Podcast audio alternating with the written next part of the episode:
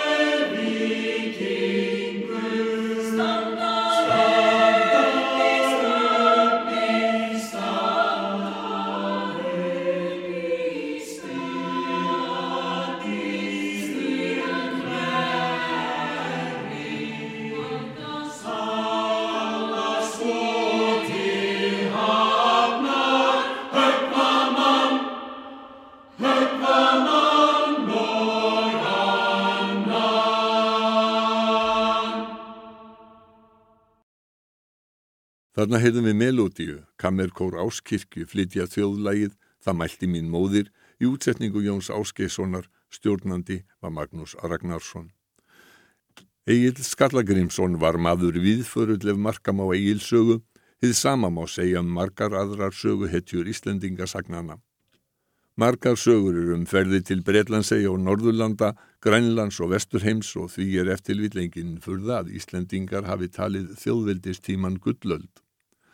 En þessi hefðbundni sögurskilningur hefur tekið allmiklum breytingum með rannsóknum og skrifum sakfræðing á síðustu áratugum. Ekki er ólíklegt að mikið ritt sem kom út á síðasta ári, Líftaug landsins, Saga íslenskrar utanlandsveslunar 900 til 2010, eigi enn eftir að breyta rótgrónum hugmyndum því þar er varpað nýju ljósi á margt í sögur lands og þjóðar.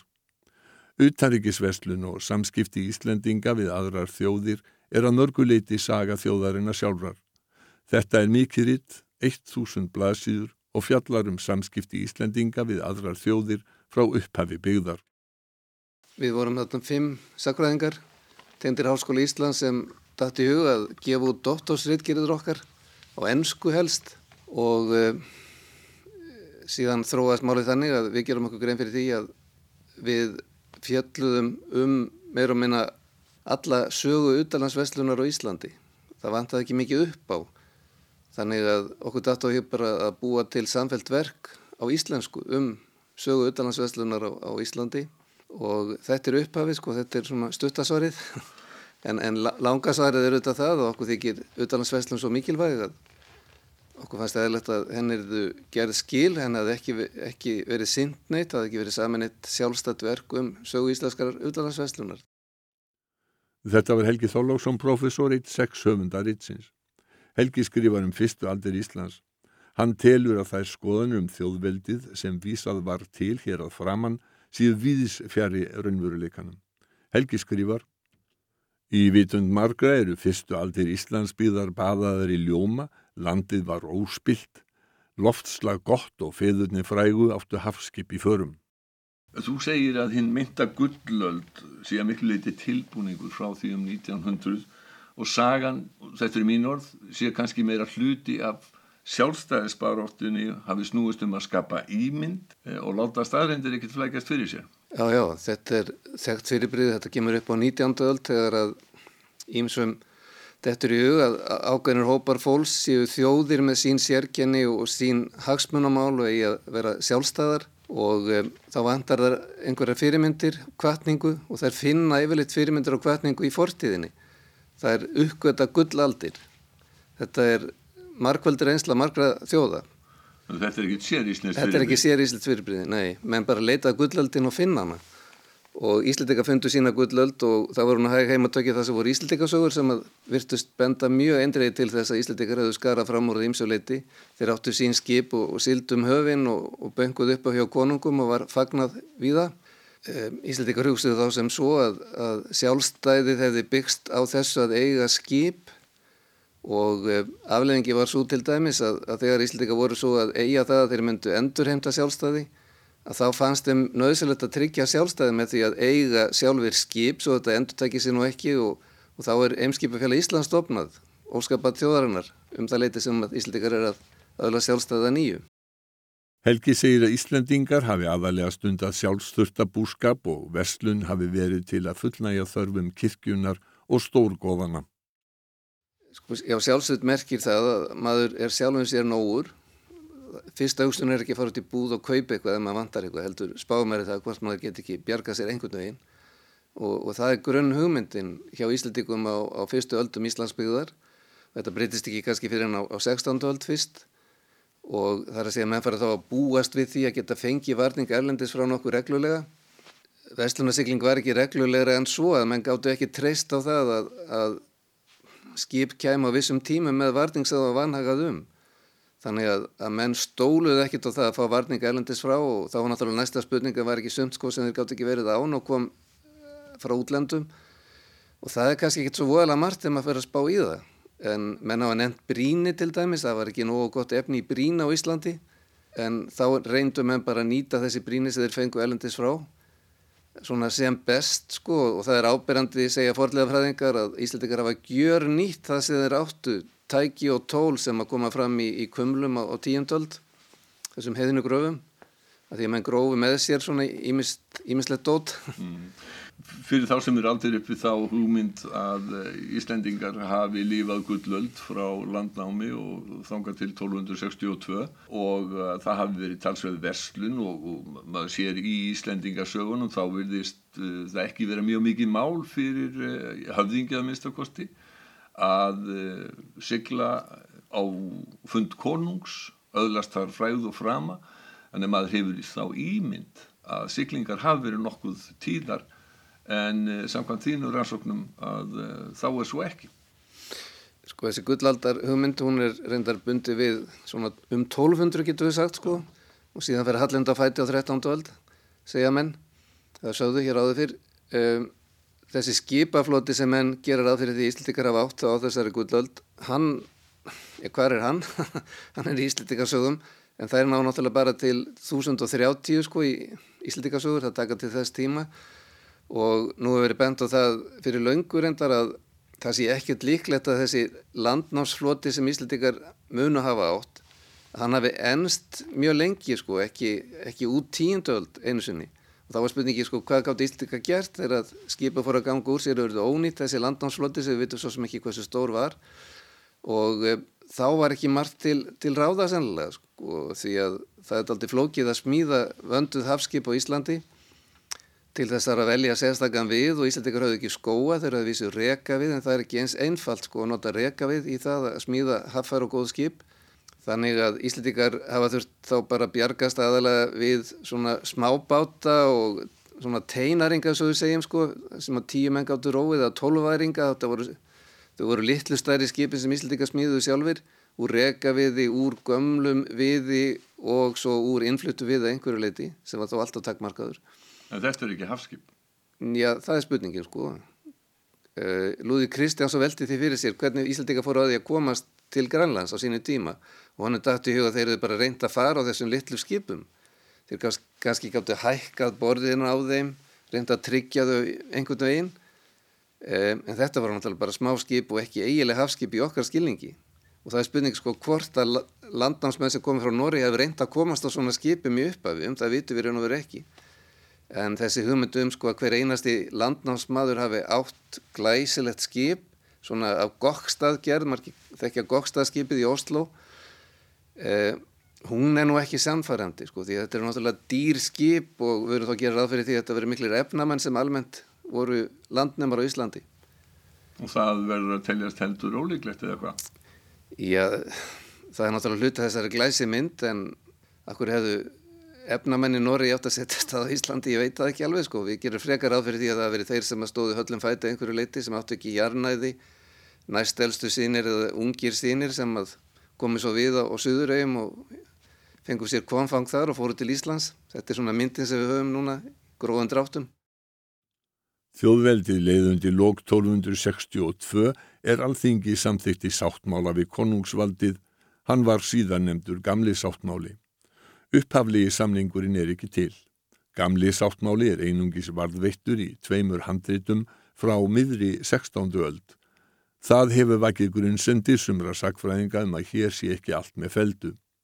Brasilíski sakfræðingurinn Patricia Bulosa færði rauk fyrir því í doktorsritgerð að tekstarnir hefðu fyrst verið teknir saman um miðja 15. öld sem líður í pólitískri baráttu Íslendinga við konung, engum um verslun. Við látum þær vangaveltu líka millir hluta. Samkvæmt gamla sáttmála játuð Íslendingar Hákonni Nóriks konungi fjórða eða Hákonni gamla, hotlustu og fjallust á að greiða honum skatt. Atvér bjóðum, virðulegum herra, Hákonni konungi, hinnum kórónaða, voru að þjónustu undir þá grein lagana er samþygt er millir konungdómsins og þegnana þeirra er landið byggja. Er svo hinn fyrsta grein að við viljum gjalda konungi skatt og þingfara kaup slíkt sem lögbók vottar og alla þekkskildu svo framt sem haldin er við oss þau heit sem í móti skattinum var játað. Svo framt sem haldin er við oss þau heit sem í móti skattinum var játað. Þessi trúnaði við konungsvaldið er sem sagt skilirtur. Skilirðin voru nokkur, konungu skildi til dæmis láta landsmenn á fríði og íslenskum lögum Og svo er þetta ákvæði sem að snertur um fjöldun okkar.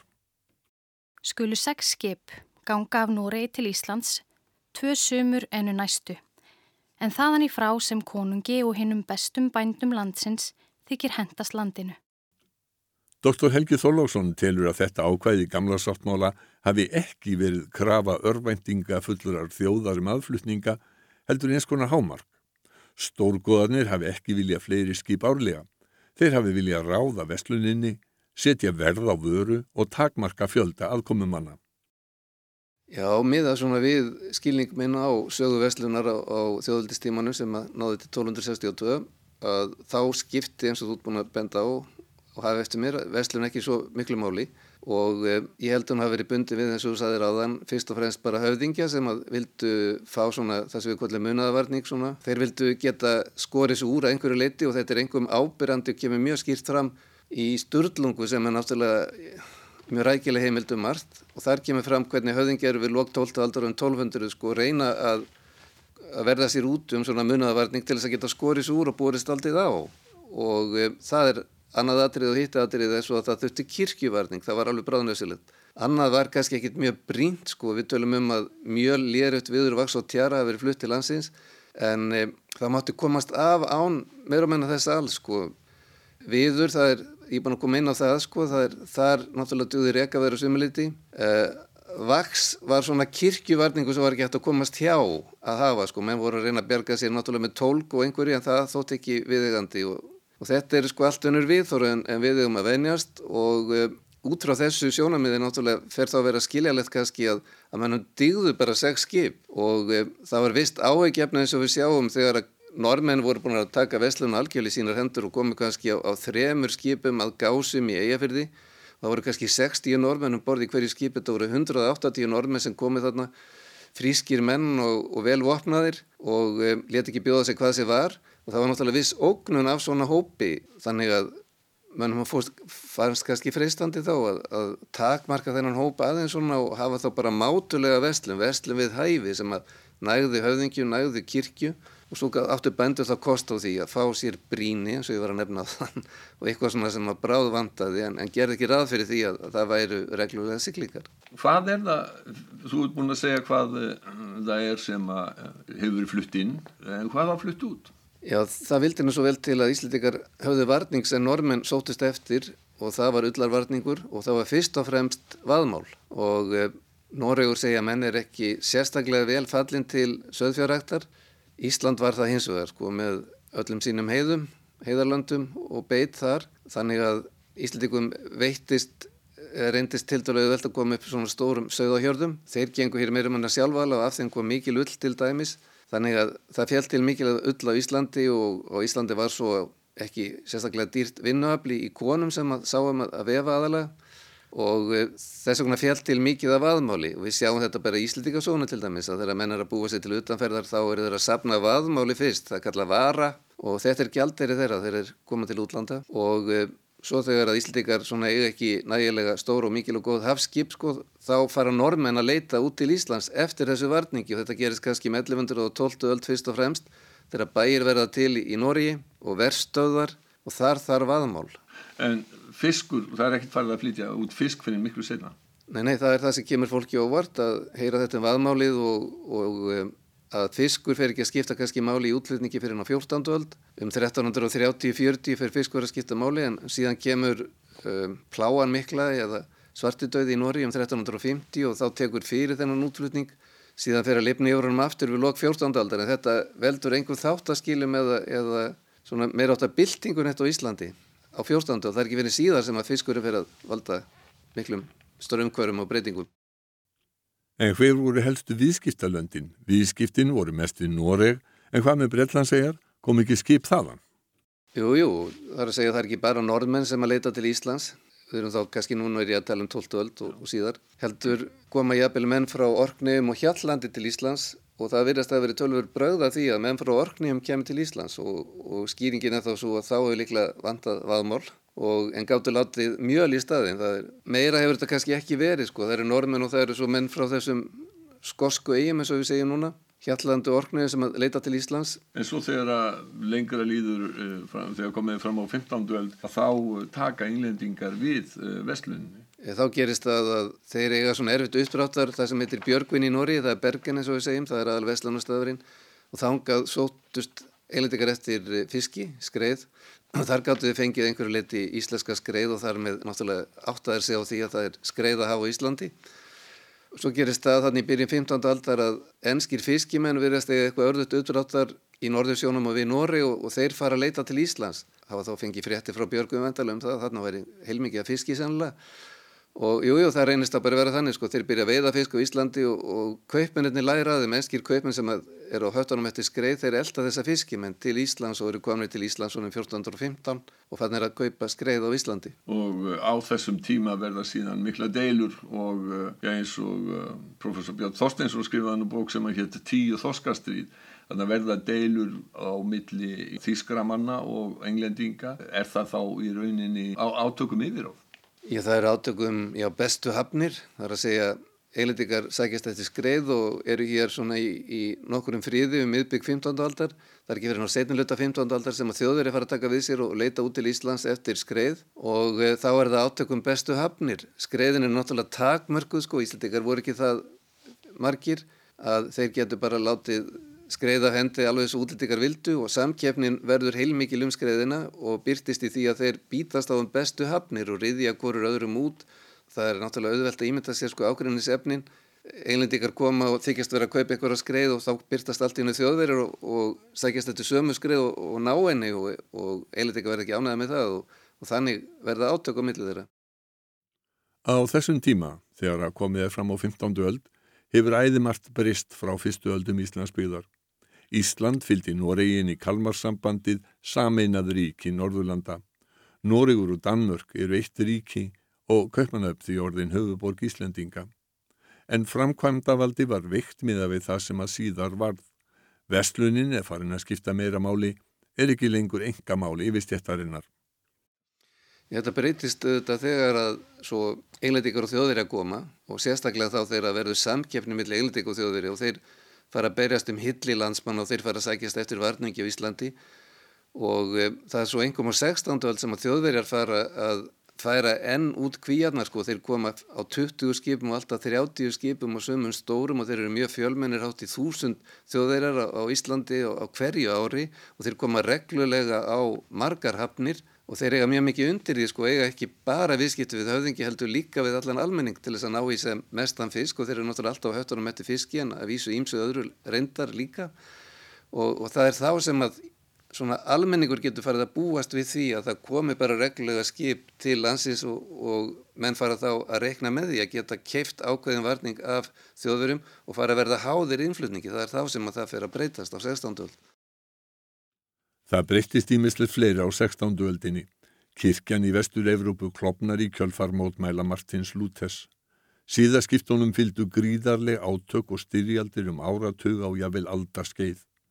Á Íslandi verður síðbreytinginu miðja 16. öldina og hér urðu einnig átök þó að vart sé hægt að bera þau saman við ógnvænlegar trúastyrjaldir í Evrópu og það verða líka breytingar á Veslun. Í raunum veru var komið á einókun á Íslandi við síðaskipti 1550. Þegar Danakonungur hafði hug á því að veita dönskum kaupmunum allt Ísland, eru ekki skipa kostið þess svo hann greip til Þískara borga í staðin og á sittni hluta átjánd við 16. aldar þá e, seldan hamburgarmönnum, engum hamburgarmönnum þegar þeir komu brímur um burt e, einuguna rétt á íslenskum höfnum og þar að leiðandi það sem gerir 1602 er ekki annað en það að hann tekur einugulanleifin frá hamburgarkaupmannunum og setti þar í hendur e, danskra kaupmanna í Kvöpminnahafn, í Helsingæri og Malmö. Segir Gísli Gunnarsson sem fjallar um tímabil einokunnar vestlunarinnar frá 1602 til 1787. Þetta er eftir við dapurlegasti kapli Íslandsugunar þegar að mikil harðindi og kuldaskeið eru algeng, farsóttir verða stórum hluta þjóðarinnar af aldur tila eins og Stórabóla 1707 til 1708 og svo koma móðaharðindin í lóktímabilsins þegar að 75% búfjár drafst og 10.000 manns eða um 20 af 100 landsmanna lést.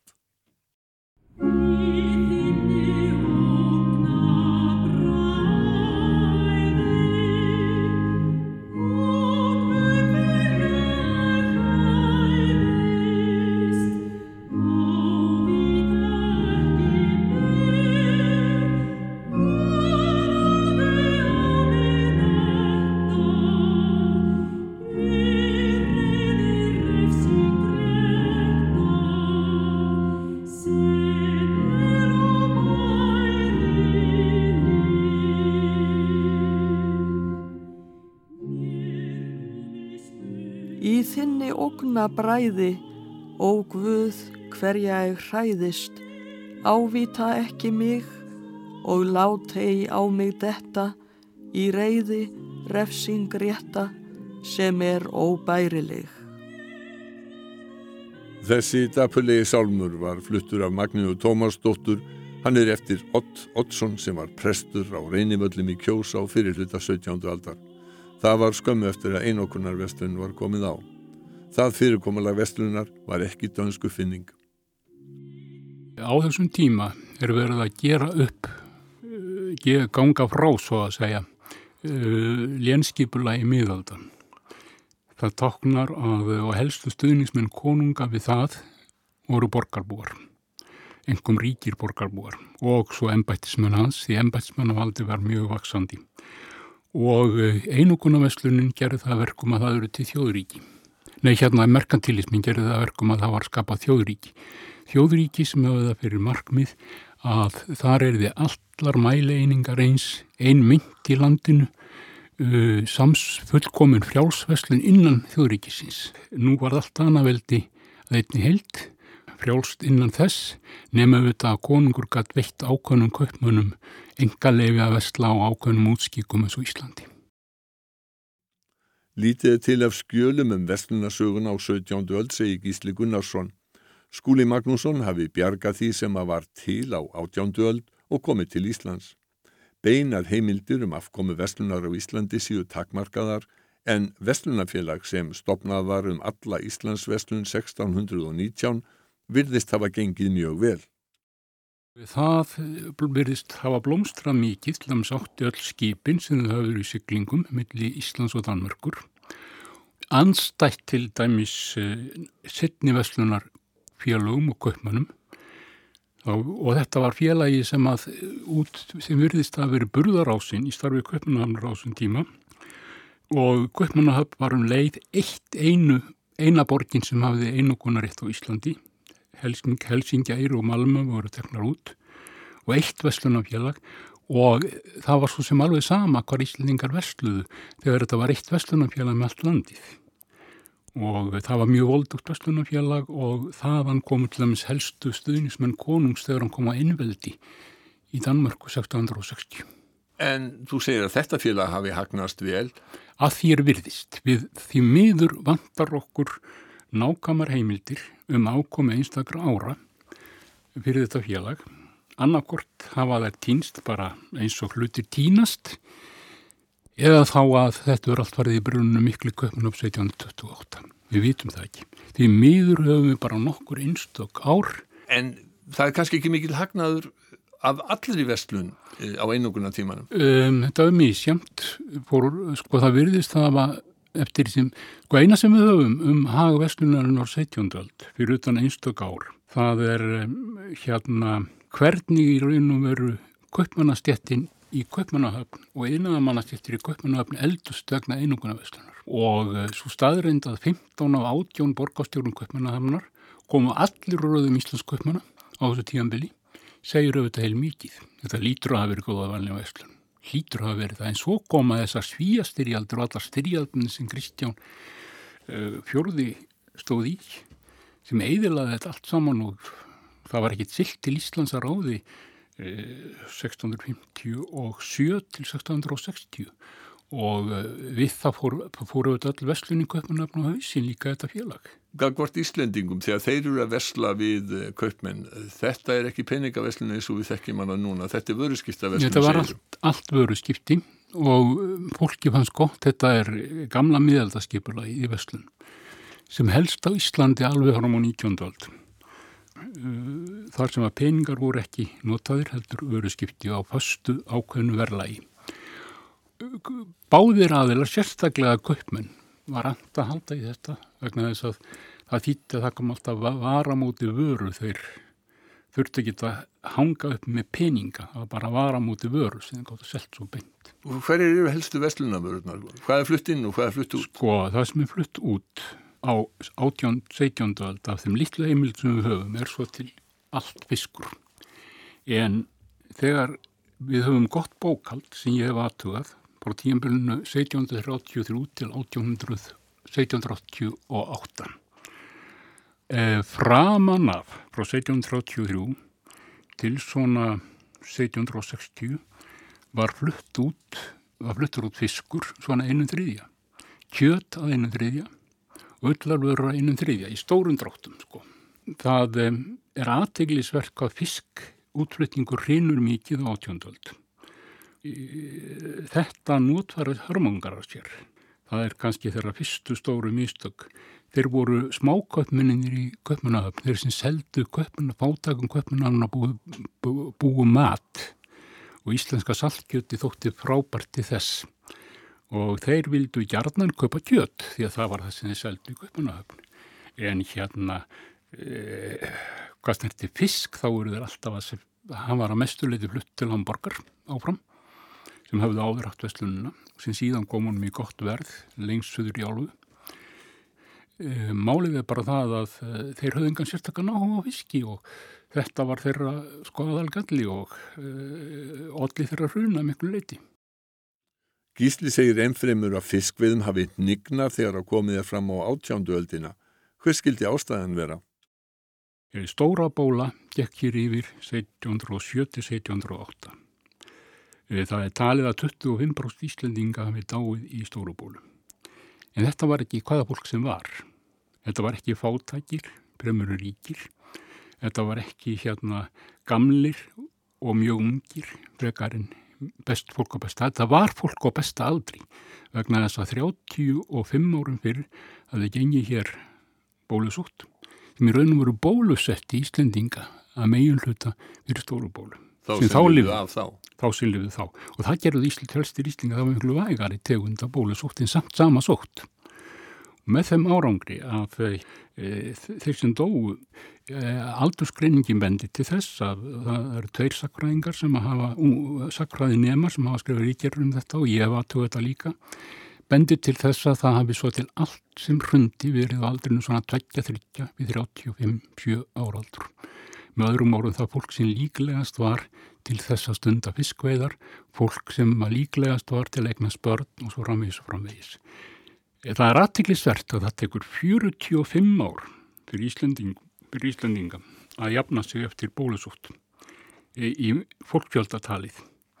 En hins vegar ekki nema 15 ár að jafna sig eftir móðuharindin sem þá drápu 20% Íslandinga hér með einsmark og bólusúttin. En það hefur verið fólk sem hafa verið fátaklingar þeir sem voru veikir fyrir. Hannes Sveinsson saði mísindismenn, uh, fátaklingar og aðrir auðmingjar sem, sem rís sem landi gæti alveg verið á. Þannig að bólusóttin 1707, hún er gríðalegt efnahagslegt áfall eh, og, og almennt áfall fyrir Íslandi. Ég held að svo hafi verið. Ég til það nokkur neginn örugt. Allar rannsóknir nýga í þá átt að þetta hefði kannski verið mesta áfall í efnaðasmáli sem Íslingar urði fyrir átjöndöld. Meir en móðarendin. Verstöðuna temdust, e, bílirðu laus og e, þeir fáu sem þeir sem lifði í verstöðunum urðu bændur. E, Nautgriparækt mingaði mikið því að það voru færri til að sinna tónunum en söðfjórekt jóst sem fólst í því að þetta tímið lambakofana lömpin voru, látið lifa fyrsta árið og síðan gælt verið sögðir og látnir ganga úti þá þegar maður slátar tvekja til þyrkja vetra gömlum. Þetta auðvitaði róðalegar á gróðurinn. Þetta er tímabili þegar skóurinn eyðist á Íslandi endanlega. E, bændur er ekkert að fara í verið þegar það var nóg á sögðum. Vestlunastæðir vorum um allt landið, þeir voru 24 talsins alveg fram til 1776 var þeim skipt í sláturhafnir og fiskihafnir. Sko fjórar á Norðurlandi og þrjára á Östurlandi, fjórar á Vestfjörðum og uh, svo var mjög þjætt setið af vestlunastöðum á Reykjanesi og Íst á Snæfellsnesi.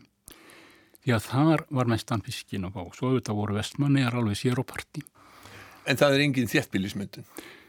Nei, engin sko nema við teljum verstöðarnar héttbíli en eh, og nema við teljum vestmann er héttbíli En það blasir við spurningin með gjöful mið uh, úti fyrir Íslands, úti fyrir ströndum landsins og með það fordæmi að það eru sennilega hundruð skipa af hverju fóru Íslandingar aldrei að stunda aðra útgerð heldurinn á raunverulega dagróðra bátum með smá skektum Já, það, ég skýrið þetta þannig og finnan engan þræðra betri skýringun þessa. Það stafaði því að kaupmenn greittu eins líti fyrir fiskin og mögulegt var. Það voru fast verlag í veslunni sem breyttist mjög lítið allan einunguna tíman. Breyttist eitthvað en lítið. Reynd bara að halda verðin og fiski sem er sniðri til þess að greiða allan kostnað af veslunin á Íslandi til dæmis veru skipaferðirnar voru greittar af fiskinum allur hagnaður kom af fiskinum og þannig má framtelja og sjáarbændur sem stunduðu fiskveðar pengu bara allt og lítið fyrir sem fisk. Þeir gátt ekki fjárfesti fiski eða, eða betri bátum. Maður geti frestast til þess að halda að einhverju kaupmenn hefðu sér sér hagið því að fara sjálfur að stunda útgerð. Já, en það var bannað. Þetta var byrjað með píningstómi 1490 löngu fyrir einuguna öslun en kaupmönnum var bannað, bannuð veturseta og alveg fram til loka ösluna varðum raunar bannað að ráða Íslandíku vinnu. E, bannið að stunda hér fiskveiðar, það er að segja verið í framlegslunni, samhliða kaupmennskunni, var svona, ah, það fannst áfram í lagabókstafum en aftalegi röðinni uh, var að smá hverfa á setnilut átjöndaldar. Þú nefnir kablaðin undarlegt er Ísland, örvassa og lasið og þetta er skýrskotun til vísu eftir Eggert Ólafsson. Er þetta kannski svo yfirskrift sem við getum haft um þennan kabla í Íslandsögunni? Um, allavega þegar Eggert Ólafsson er að skrifa þetta hvæði sem er 17, 1760 því að þá hafðu harðvindi staðið yfir á Íslandi mikil og 10% íslendinga látist og hungursótt og hörmongar voru hortnar á hausin og enginn vildi vestla við Ísland vegna þess að það var talið vegna þess að hörmongar hafði farið svo illa át úr þessu. Þetta var mesta eimdar ár, mesta eimdar ár allar átjöndualdarinnar kannski ekki eins mikið og setur 84 en upp undir það. E, hann e, örvændir fyrir hansina þjóðar og ekki ástæðulösu en þetta var líka árið 1760 eftir allar, allar hungursóttirnar á undan eftir að enginn vildi vestla við Ísland. Þegar Ísland er bóðið upp og enginn vætti upp er bóðið Ísaland er annað hvaðið eftir hann. Það sem hann segir frá uppbóðunum sem enginn vildi bjóða Ísland í, í Íslandsfjöstununa því það var svona tap. Það horfið þó til betri vegar um miðjan 8. áratug átjándu aldar. Ísland er réttir úr kútnum eftir hörmúgarnar fyrir 1760 Ísland 1782 var ekki dill á vegi stætt og Vestlun var blómstrandi.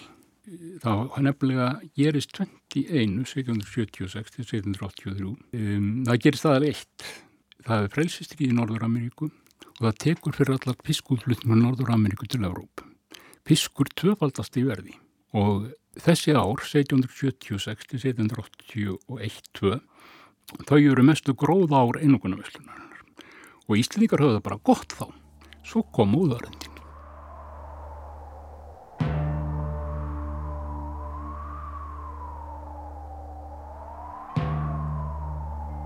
Móðuharðindin eru sennilega skelvilegustu náttúruhamfarir sem að gengið hafa yfir Ísland.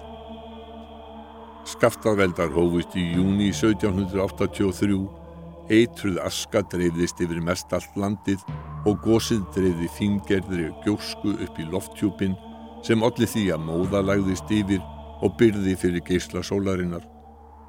Þessu fylgdu gífurlegir kuldar og vetur árin á undan höfðu verið kaldir og snjóþungir.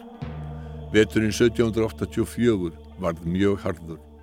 Hafís meinaði sjósokk fyrir norðan. Fjenaði tók að falla af heileysi og fólk fjall líka úr hungri. Sumari 1784 var kallt og lítið heiaðist og á Suðurlandi eðilögðust um 400 bæir í jarðskjálta. Þúsundur Íslendinga dóu hungur döða og er ætlað að um 10.000 manns eða um 20% þjóðarinnar hafi látist vegna móðu harðindana.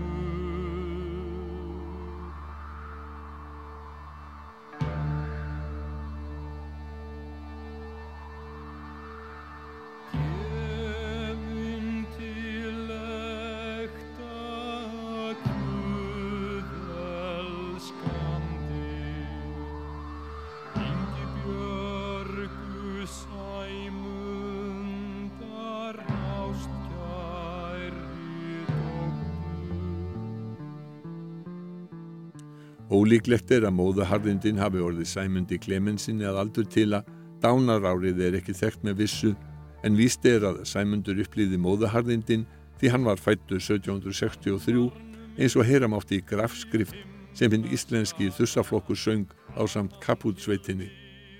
Sér að Jón Stengrimsson, prestur á prestbakka á síðu, lísti hamförunum 1788 í riti sem beri heitið fullkomið skrif um síðueld. Kom nú eldflóðið fram úr skaftargljúfri með ógna framrás, brestum, undirgangi og skruðningum. Svo þá eldurinn datt ofan í vatskvikunnar eða reynsli, urðu svo harðir smellir sem mörgum fallstykkjum væri senn afleift. Alvarlegar efasendir voru um hvort Ísland væri byggilegt. En meðal þeirra sem ekki efiðust var Hannes Finnsson biskup í Skálholti. Hann samti ritt sem heitir því upplýfgandi nafni mannfækkun af hallærum og er að sínuleiti saga landsins. Þar kemst hinn velmentaði biskup að eftirfarandi niðurstöðu. Ísland fær á tíðum hallæri en ekkert land í norður álfunni er svo fljótt að fjölga á ný manneskum á bústofni sem það og er því eigi óbyggjandi. Anna Agnarsdóttir tekur við keflinu 1788 þegar móðaharðindunum er að ljúka. Þá er Ísland afarilla statt. Já, svo vægt sé tekið og ég held að það sé svona til dæmis Hannes minnist á það í reyti sínu að það hefði komið til tals að flytja alla þjóðina burti Jólandseiða og ég er nú búin að kanna það mál svolítið og ég held að sé svo sannarlega að á tímabili hafi það verið rætt í álfuru en svo þegar þau fóru aðtuga hvað, hvaða kostaði og hversu praktíst það var að flytja 50.000 manns í byrtu eða náttúrulega var búið að fækka svolítið en segjum 30.000 það var það náttúrulega ekki framkvæmulegt. Yfirvöld brúðust við neyðar ástandin á Íslandi með því til dæmis að skipa landsnemdina síðari sem svo var kolluð og svo urðu þau tíðindi er varða þessa umfjöllun að meiri háttarbreyting er gerð á skipan verslunar. Gefin var út tilskipun um fríverslun, stopnaðir voru sex kaupstaðir, þar á meðal Reykjavík, en mesta breytingin var afnám einokuna verslunarinnar. Þetta er náttúrulega einn stóra breyting sem verður að Íslandingum er hleyft inn og ekki bara Íslandingum heldur öllum þegnum Danakonungs sem þarna byggu ekki sjálfu við einokun. Þannig að grænendingur og færingar, þeir mótt ekki vesla hér. En allt í einu með um, normenn koma, holdsetar, slesvíkubúar og svo framvegis. En með fríhandlunni, þetta er á engan háttu verslunafrelsi í skilningi nútímamann? Alls ekki og það er það sem fólk rugglar uh, mjög mikið saman. Sko frjálsveslun kemur ekki fyrir 1854. Þannig að þessi fríhandlun þýðir það bara að, að þegnar dana konungs sem búi ekki veginn okkur þeir megi veslu Íslandi, aðrir ekki. Og algjört bann við að útlendingar vesli hér. Þeir megi að koma til hafna ef þeir eru neyð og þá er skild að hjálpa þeim en að öru leiti með er alls ekki komið hingað. Yfirvöld vildu ebla aðra atvinnuvegi, gerð hafði verið tilraun til þess með hinnum svokölluði indréttingum skúla Magnússonar en svo tilraun gekk illa. Ein öðlind var þó áfram illa vannýtt, fiskurinn í sjónum. Öldum saman höfðu Erlend fiskiskip sótt á Íslandsmið en Íslendingar sóttu þau bara á litlum bátum.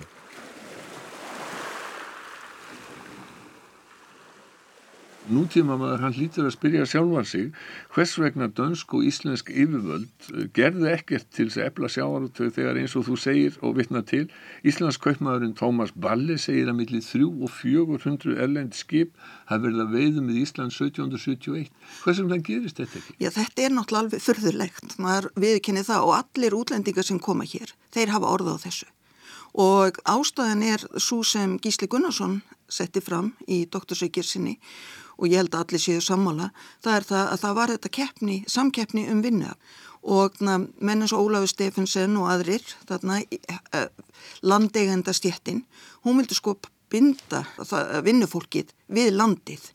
Og að vísu var þeim hleyft við og við út á árabátum að veiða smottir í en ekkert í líkingu það sem útlenda þjóðir voru að móka upp hér við strendur og þetta er, þetta er alveg ótrúlegt en þetta er íslenska yfirstjættin sem vill ekki breytingar. Það er allavega mín skoðun á þessu. Maður skildi ætla að menn hefur séð tækifæri til þess að fara sjálfur í útgerð og uh, vera samt sem áður áfram yfirstjættin já, man, man, manni finnst að það hefði átt að einhverja ætti að grýpa það tækifæri. Og það er svo sem dæmi að þú ferð aftur í sögun eins og Brynjólu Sveinsson var að reyna að gera út skip og, og það er en örf á dæmi. En ég veit ekki, áhættufalni hefur til dæmis verið stungi upp á þetta er náttúrulega meir, það, það, það er dýrt að gera út til skip og já þetta er gjörsan og skiljanlegt og ég verði að segja sko að til dæmis þessi breytar sem koma hingað á, á tímabilinu sem ég skrifum mm. þeir eru allir að förða sig á þessu Það beð því enn að Íslandinga nýttu betur hinn gjöfulu fiskimið við strendur landsins. Breytingin á verslunarhaugum samkvæm tilskipunin um fríhöndlun frá 1787 var hverginari nóg að mati margra forraðamanna landsins. 1795 var konungi send bænaskrá í nafni allra landsmanna þar sem líst er óanægi og vonbrygðum með fríhöndlunina. Þegar hér er komið sögu hafa gerst miklir og sögulegir atbyrðir. Bandaríkin eru orðin sjálfstætt ríki með tilheyrandi yfirlýsingum um réttindi manna og í Fraklandi hefur konungsvaldinu verið stift og raunar búið að gera Lodvík 16. höfðinu stittri. Franska byltingin hófst 1789 og haldið er á lofti hugssjónum um frelsi, jafnrétti og bræðralag má greina áhrif frá fransku byltingunni í bænaskráni sem íslenskir höfðingja sömdu 1795. Tvímæla laust. Sko þarna þessi almenna bænaskrá, ég er einlega sérstaklega hrifin af henni Já. og finnst að hún hefði átt að vera þýtt og íslensku fyrir löngu en hún er, sko þetta er rótækasta plagg sem ég hef séð og ég fullir að þetta er rótækasta plagg sem Íslandíka nokkuð tíma sendu konungi að því að orðalægið er bara þannig og það að nota orð eins og republikonasjón sem er náttúrulega alveg eldfim orð á þessu tímabili eru náttúrulega bara áhrif frá bæði amerísku og fransku stjórnabildingunni og Magnús Steffensen var svo klókur að skrifa ekki undir þetta en allir vissu hann hefði skrifið þetta. Og á sama tíma og hann er á þessu, þá er hann að skrifa frásög sína fransku stjórnabildingunni sem hann byrtir í minnisverðum tíðendun sem er hans tímaritt Lendu þessir ennbætismenni einhverjum vandraðum út af þessu? Já, já, já. Sko Magnús slappaði, nafnið hans var ekki neinstæðar og svo var hann sonur Ólafs og Ólafur var vinu konungs og, og svona. En Stefán Þórensson sem kom þarna fram undir eigi nafni að það, konungur hótaði að taka, að það myndi bara missa ennbætið. Og uh, þeir hluti sem að uh, þessi fyrirmenn, íslensku fyrirmenn fara fram á breytingar og vestlunarháttum það var náttúrulega ekki orðið við þeim. Nei, nei, nei, nei, af því að það var alltaf trú að væri, ég held hann að við trúaði í álfur að hann væri að, að bara sjá nokkuð vel um Ísland. Að það að vera með einokun sem var náttúrulega sko ekkit spes, það var ekkit sérstækt, ég menna að það voru allar þjóði, einokunarveslunum var ráðandi, hag stefna á þessum tíma og með einokunarveslunni þá sagðan ég við tryggjum ykkur aðflutning. Sko ef við gerum það ekki þá verða sláturhafnirnar á norður og austurlandi, það siglir engin þangað. Fólk vil bara lísi, það vil bara fisk og lísi og þannig að þetta töldi þessi trúum lengi vel. Það eru ófríðatímar í Evrópu með stuttum hlýjum geysar styrjöld á milli breyta og frakka í rúma tvo áratvíi, uns breytar og prússar vinna loka sigur í júni 1815 við belgíska bæin Waterloo skamt frá Bryssel. Lengst af ríkti þrátefli. Frakkar voru með töklin og haldirnar á meginlandi Evrópu. Bretar réðu lögum og lofum á hafinu og voru nánast einráðir eftir orustunna við Trafalgar 1805. Tvísvar réðust þeir á Dani 1801 og 1807. Í setnaskiptið hafði þeir með sér nánast allan danska flottan.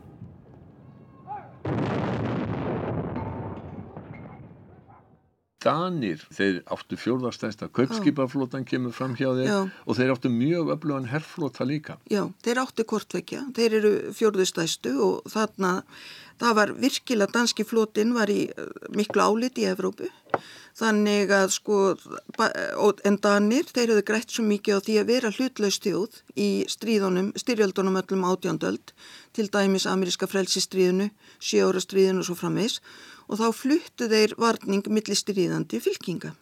En núna sem sagt breytir að 1807 þá er bara mjög erfitt að vera hlutlaus áfram og það bæði frakkar, Napoleon sem vilja fá þennan hér, nei flóta minni, þeir vilja fá flótan og það er líka sem sagt breytar sem hafa mjög mikið áhuga að fá hann.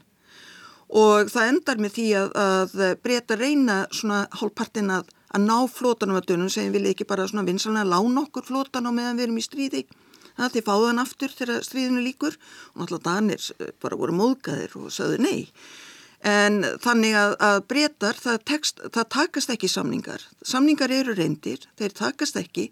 Þannig að breytar sjá bara eitt kost í stöðinni til þess að vera undan Napoleon og það er að sem sagt koma með herr og, og skip og það er bara skó, stór skota árás og kaupmanöfn og fullt af saklösu fólki er, er drepið. Og það er einlega fyrsta sinn sem þetta gerist að, þeir, að það ráðist á svona borg á þessum tíma. Og þarna saklöst fólki bara skoti niður á rakettum, nýsmíðum rakettum breyta og, mm. og eftir þetta verður náttúrulega Fridrik Sjötti brjálæðra reyði og fer strax til Napoleons eða hefur samband við hann og segir, heyrðu ég skal bara vera með þér Þetta hafi verið loftárásir þeirra tíma? Þetta eru loftárásir þeirra tíma og það sem er er það að breytandi sigla bara burt með allan flótan. Þannig að Danir eiga nánast ekkit eftir. Breyta settu happan á meginlandið og þar með á Danmörku. Dönsk skip í Íslandsiklingum voru herrteikin, aðgerði breyta bytnuði harkali á Íslandingum. Þetta er í fyrsta sinn sem virkilega stríð hefur áhrif hér á Íslandi. Auðvitað eru sum ár á 17. og 18. öll þar sem, veist, það, siglingar eru tre, tregar vegna þess að það, eru, það er stríðsástand í Evrópu. En þetta er algjörlega nú, bara allt annað. Þetta er bylting í vestlunarháttum Íslandinga. Því í staðin fyrir að þarna væri rekin dönska einókunum vestlun, þá bara koma breytar og leggja Íslands vestlunar undir sig, bara hreinlega Íslandsveslunni stjórnað af breska veslunamála ráðanetinu og kaupmennir verða bara stand og siti eins og þeim er sagt. Kaupa sér leifisbref, stoppa alltaf í líð á leiðinni, í líð í Skotlandi, láta skipa upp farminum, um, svo aftur skipaðum borð, borga leif, fyrir leifisbrefin, borga hugsanlega totla og svo framvegs fyrir utan það hvað þetta tafði fyrir öllum flytningum. En þeir sem komist hafa sennilega grætt heil mikið. En þetta voru miklu, miklu færri skip og það voru, það var sem sagt hungusnei hér á tímabili. 1813 fækkar Íslandingum. Miklu færri skip komu frá Breitlandi en höfðu silt frá Danmörku en hvað var þá til ráða þegar að vörur skorti tilfinnanlega? Það er smá kapliðarni í bókinu hvernig Íslandíka bregðast við með því hvernig farðir þannig að vantaði hvernig átt að búa til net, það var reynd að nota ull, það kemur ekkert nóg kort til landsins, þá fara allir á grasafjall, bara að búa til um, gröytur fjallagrössum og þeir reyna að bjarga sér eftir bestu getu. Hvað var það sem fekk breyta til að ráðast í siglinga til Íslands, þessa fátækalansi í norður Allandshafi sem hafði ekki upp á mikið að bjóða? Þeir halda þessi eftir miklu að slæjast. Þannig að þeir, þá er sem sagt bresk stjórnvöld eru mjög tilbúin að hjálpa þessum breytum sem eru að koma hér, gefa þeim leifisbref, gefa þeim herskipavend vegna þess að, það, að Napóleon er búin að loka meginlandinni fyrir ennskri veslun og þeir eru að leita nýju markuðum. Þannig Íslandi er nýr markaður, alveg eins og löndin í Söður Ameríku á þessum tíma. Og þarna verðum við kannski að nefna til sögunar Jörund Hundardag og konung. Já, við komum sennileg ekki hjá því. Nei. Hans já, valdarán á Íslandi er í raun hluti af þessari vestlunarsögu Íslandi. Já, þetta er bara, það, sko ég er alveg samfari, ég er nú búin að kíkja á dansi vel og eigða miklum tími í þetta að skoða allar heimildir. Og ég er alveg samfær, sko, ef, ef að Trump er greifi sem var stiftandmar á Íslandi, hefði ekki verið svona rosalega, hvað ég að segja, dugulegur embættismæður sem ætlaði svo sannlega að framfylgja lögum síns lands að ef hann hefði bara leift þeim að vesla þá hefði ekki verið neinn bilding að það hefði ekki verið neinn þörf að því Íslandíkarnar byðu þarna þeir, ég menna það, það, það voru ekki nóg skip að koma þarna 1809. Og Trumpi meinaði... Já, hann bara segir nei Já. og hann segir, Íslandíkar, þið megið ekki vesla við breyta að viðlaður í dauðarefsingu og þar gengur hann ansi langt. Ef að Trump hefði leift um að vesla þá hefði bara veslað þarna um sömarið og, og þeir hefði svo silt tilbaka um haustið eins og allir danskir fast, fasta kaupmenn og hugsanlega komið aftur næsta vor. En þetta verður ekki, maður hlýtur að spyrja sig líka að því að mm. breytar eru alvaldir eftir þeir hafa sigra frakka á endanlega 1815 eftir uh, Waterloo. Uh, þeir ger ekki kröfu til yfiráð á Norður Allandsafi nýja vilja þeir fá að stunda áfram vestlun á Íslandi og maður lítur að spyrja sig hvers vegna? Já, þetta er einlega mjög góð spurning vegna þess að þeir sem voru að vesla hér og þá er ég að tala um menn eins og Felp sjálfan sem var mjög, sko, taldi mikla möguleika hér og sérstaklega í fiskveðunum sem þú nefndi hérna fyrr og svo er hér tvö fyrirtæki frá, frá Liverpool sem heita Honen Stackhouse og Tethrington og Allansson sem byrja að vesla freka senkt á stríðsárunum. Og til dæmis árið 1814 sem er síðasta stríðsárið þá siglaðir hér hingað 11 skipum. Og uh, þeir skrifa þarna stjórnveldum í Breitland og segja við viljum bara fá engarétt til þess að vestlu í Íslandi, við teljum okkur algjörlega hæfa til þess og þannig er eftir miklu að slægjast og það er aftur, þá er það fiskveðarnar sem þeir hafa áhuga á og öllin. Mm. En allavega þá sáu þeir möguleika með íslensku kindina að það væri hægt að rækta hana upp og hafa gagna henni meira en nú var og þeir eru æstir í að fá þetta. Það er alveg ljóst að danska stjórnin, hún kalla saman nefnd og uh, rendukamrið, stjórnveldin sjálf, þau eru tilbúin að slaka á. Þau, eru, þau hafa lengi verið að ræðum að auka frelsi Íslandsveslunar en þeir sem eru á móti, það eru dansku kaupmennir. Þeir vil ekki missa spónur aski sínum og það verða bladaskriff og það verða læti. Nú eru Dani nýbúin að missa Noreg og að missa Ísland líka, það er bara ómikið. Árið 1816 er gefin út ný vestlunartilskipun þar sem vestlunni leifð við aðrar þjóðir. Ástæðan var að breskir kaupmenn vildi halda áfram að eiga viðskipti við Íslendinga. Stjórnvöldi í Lundunum tóku því málið upp við Dani.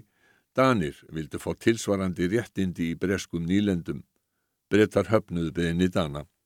En hins vegar er þetta hann er náttúrulega mjög illasettir og þeir vilja ekki styggja breyta meira en þeir nöðsynlega þurfa. Svo þeir segja allt í lagi, við skulum leifa veslun erlendra þjóða. En ekki var allt sem síndist. Í fyrstu grein þá stendur uh, erlendu skipum uh, skal leift að vesla við Ísland. Það er fyrsta grein, svakalega jákvæð. Svo kom allar hinn að greinar, leifisbrifið kostar þetta, tollar eru þetta og, og það er svo mikið að neikvæðum skilur þeim að hver heilvita maður sér strax að það borgar sig ekki að vesla við Ísland. Það er ekki hægt að ganga þessum skilurðum. Þannig að vestlunin er óbreytt áfram? Já, það kom engir breytar eftir þetta og svo er doldi merkilegt þegar maður fyrir að skoða þetta tímambila 1815 til 1830. Það er sé eftir stríðs árin sem ég tel vera, sko, að veslunin, ég kalla einlega að veslunin sé bara ná sér að stryka á nýj að þá eru danir að gera veslunar og vináttisamninga við allar þessar þjóðir sem þeir hafa verið mest í sambandi við, við breyta, við bandaríkjumenn, við Noreg, við Svítjóð, með sé við Brasilju og, og þetta er allt veslun og vináttu samningar og þar er alltaf tekið fram, það má ekki vesla við Ísland. Þannig að Íslands veslunin hefur skipt Dani talsöðu máli og já. kannski sérstaklega eftir þetta þunga áfall sem verða fyrir í Napoleonstyrjum. Já, sko þeir eru búin að missa Noreg, þeir ætla ekki að missa meir. Í setnin þætti fræðumstuðum 19. og 20. aldirnar hvernig öllum hömlum að veslum var aflétt svo inn- og útflutningur var algjörlega frjáls fram í fyrir heimstyrjöld. Fjallaverðunum kreppuna miklu síðar í heimstyrjöldina hafta og skömmtunatíma og svo afnám hafta sem hefst upp úr 1960. Við heyrum líka að vestlunin er enn ekki eins frjáls og hún var fyrir 1914.